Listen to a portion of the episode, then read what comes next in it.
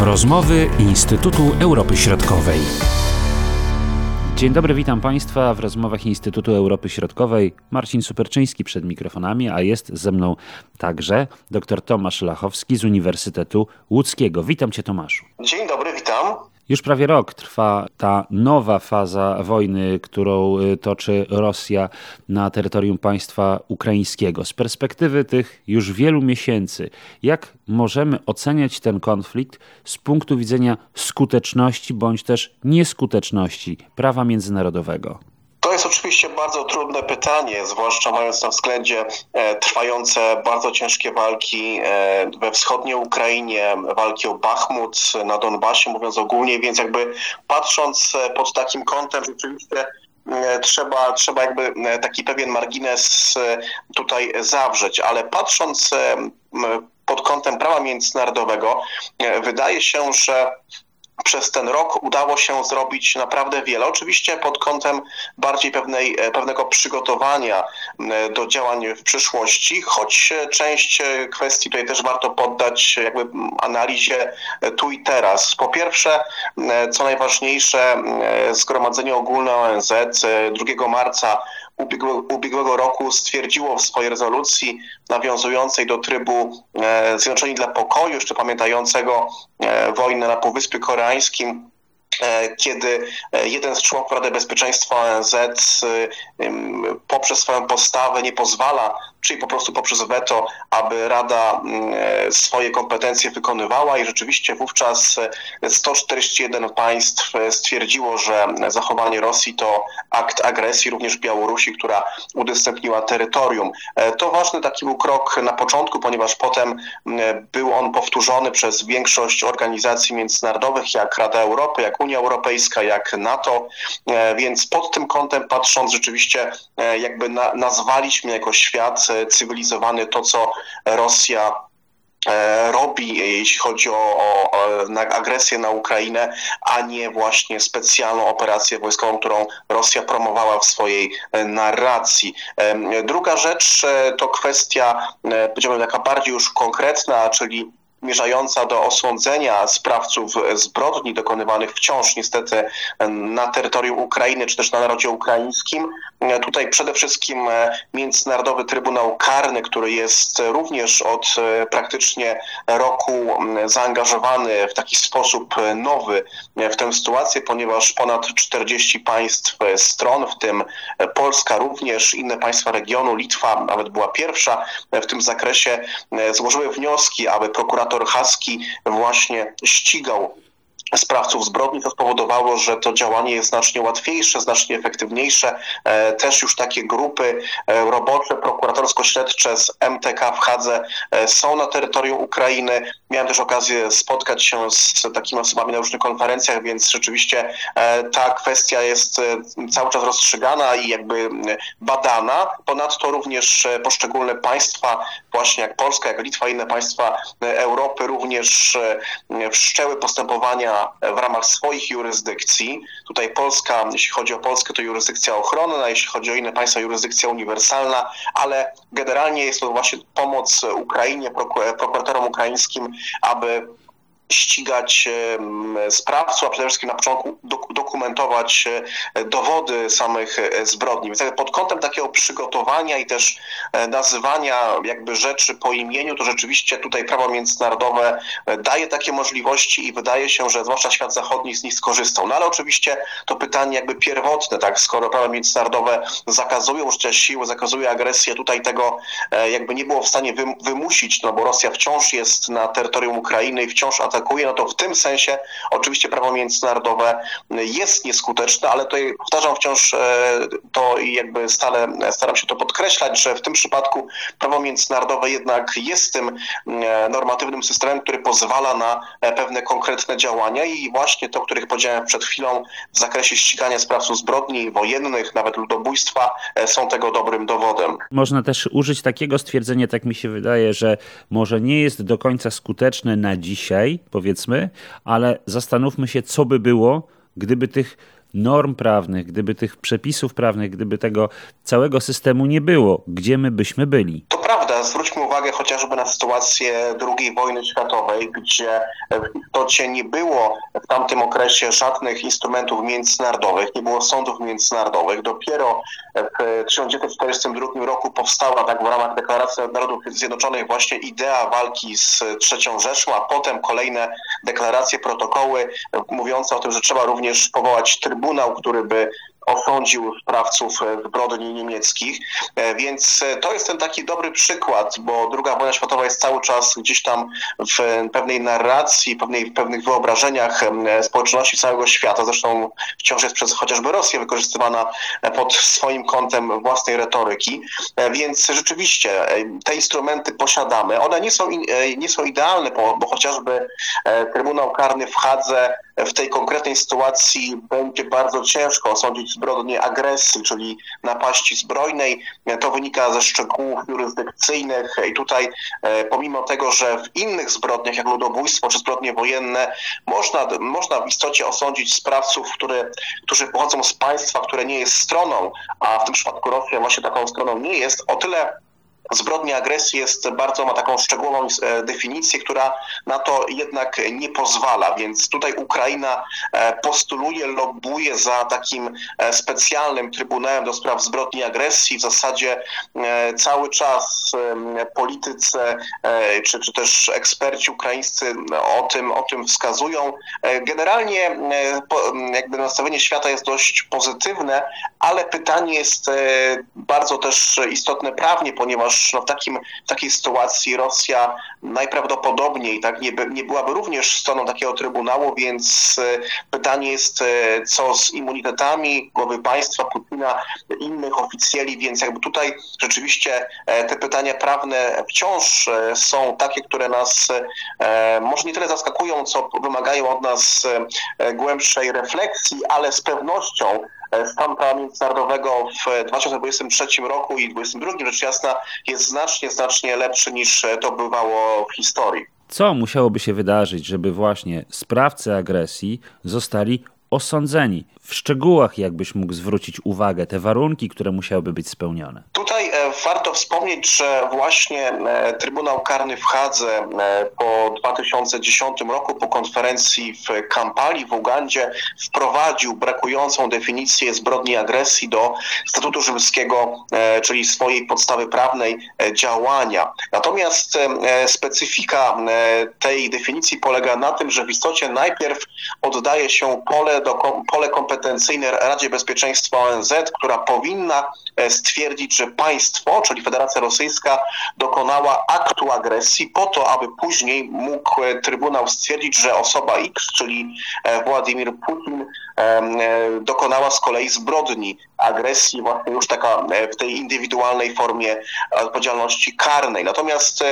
patrząc na właśnie tę konstrukcję, Rada Bezpieczeństwa czyli właśnie Federacja Rosyjska jako stały członek Rady z prawem weta w zasadzie nie pozwala na e, skuteczną, e, skuteczne rozpoczęcie tej procedury. To jest jakby pierwsza rzecz. Więc e, co można tutaj zrobić? No właśnie Ukraina postuluje powołanie Trybunału, o którym mówiłem przed chwilą, natomiast ten Trybunał, tutaj też jakby są takie dwie koncepcje, dwie główne. Po pierwsze umowa pomiędzy ONZ a Ukrainą. Takie trybunały powstawały wcześniej, chociażby w Sierra Leone czy w, w Kosowie na przykład, czy w Kambodży albo też e, szeroka, szeroki traktat międzynarodowy, który e, właśnie na moduł Trybunału Karnego w Hadze byłby otwarty e, do ratyfikacji przez wszystkie potencjalnie państwa świata. Natomiast w tym przypadku, w obu tych przypadkach, Problem polega na tym, że w istocie Rosja e, no, najprawdopodobniej nie byłaby stroną, bo tutaj mówię o braku politycznej woli, e, więc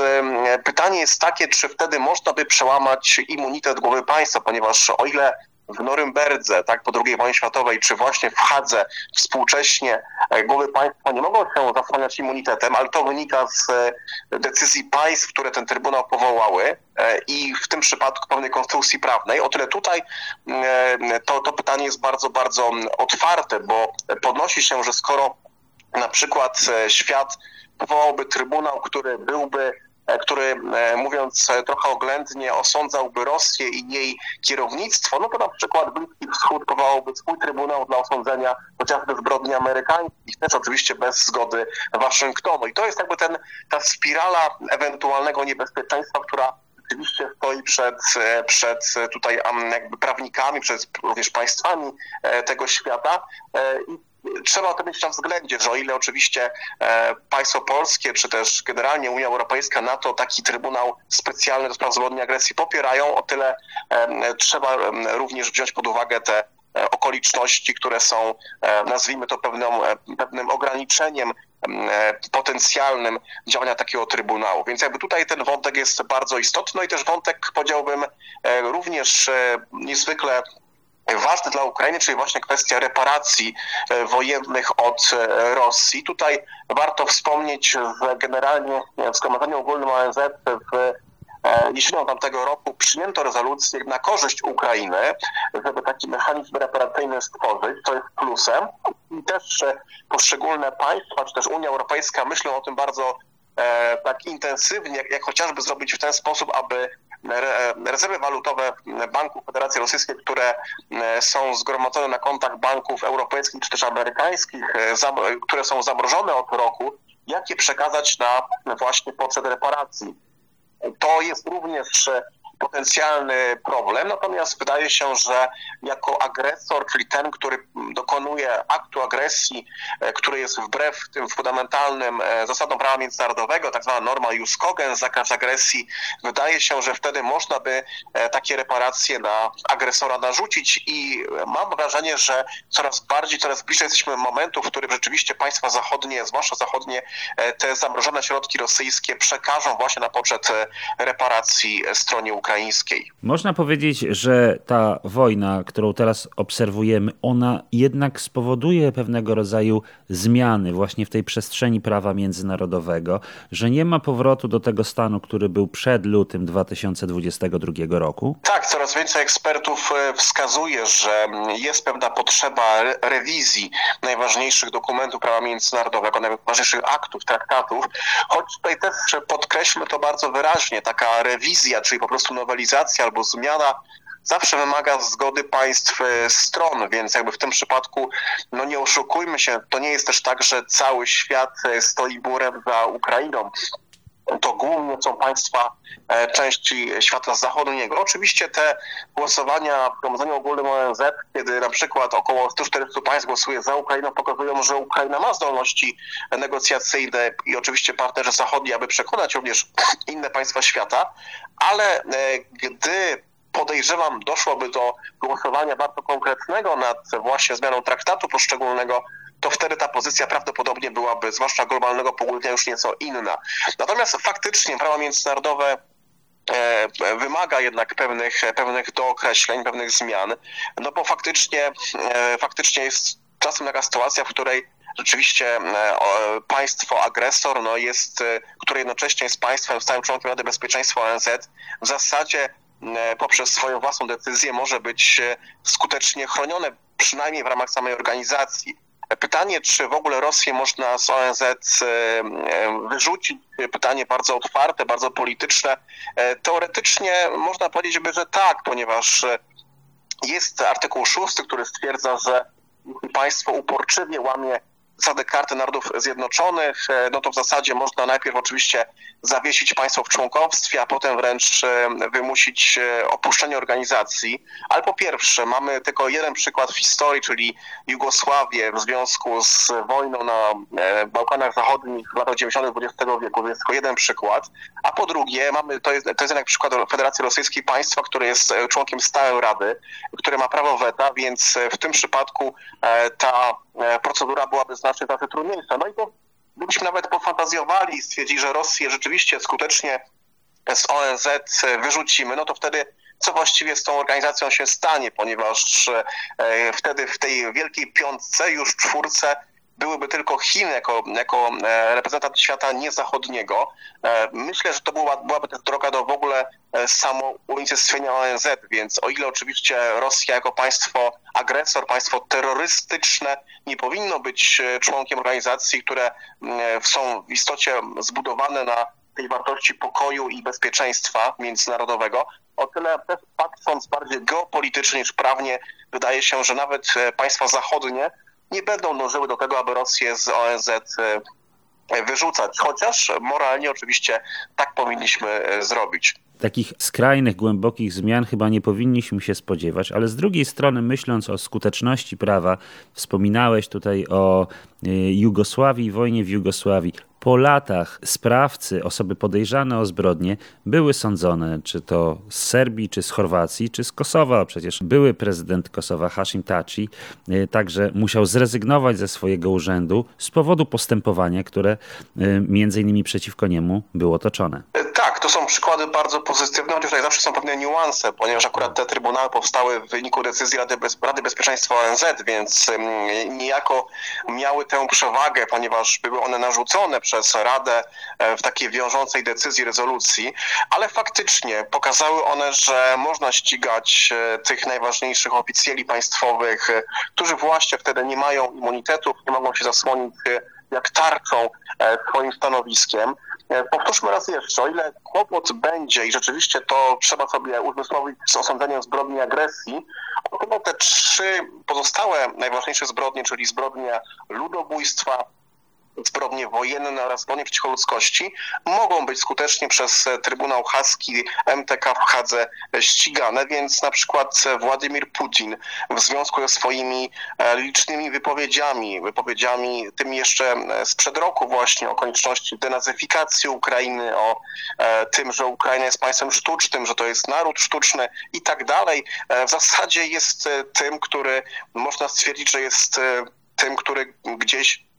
ukuł ten plan, e, plan wręcz ludobójczy, który jest dokonywany na terytorium Ukrainy przez żołnierzy rosyjskich czy też najemników, choćby z grupy Wagnera, więc e, o ile nawet nie w kwestii e, zbrodni agresji, o tyle można by próbować właśnie to najwyższe kierownictwo polityczno-wojskowe Rosji za inne poważne zbrodnie prawa międzynarodowego osądzić. I więc jakby pod tym kątem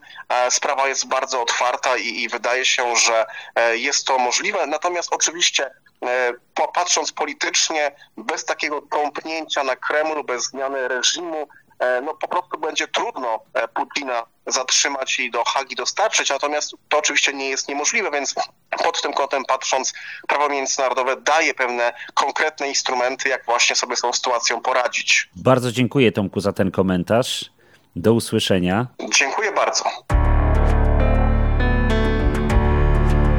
Były to rozmowy Instytutu Europy Środkowej.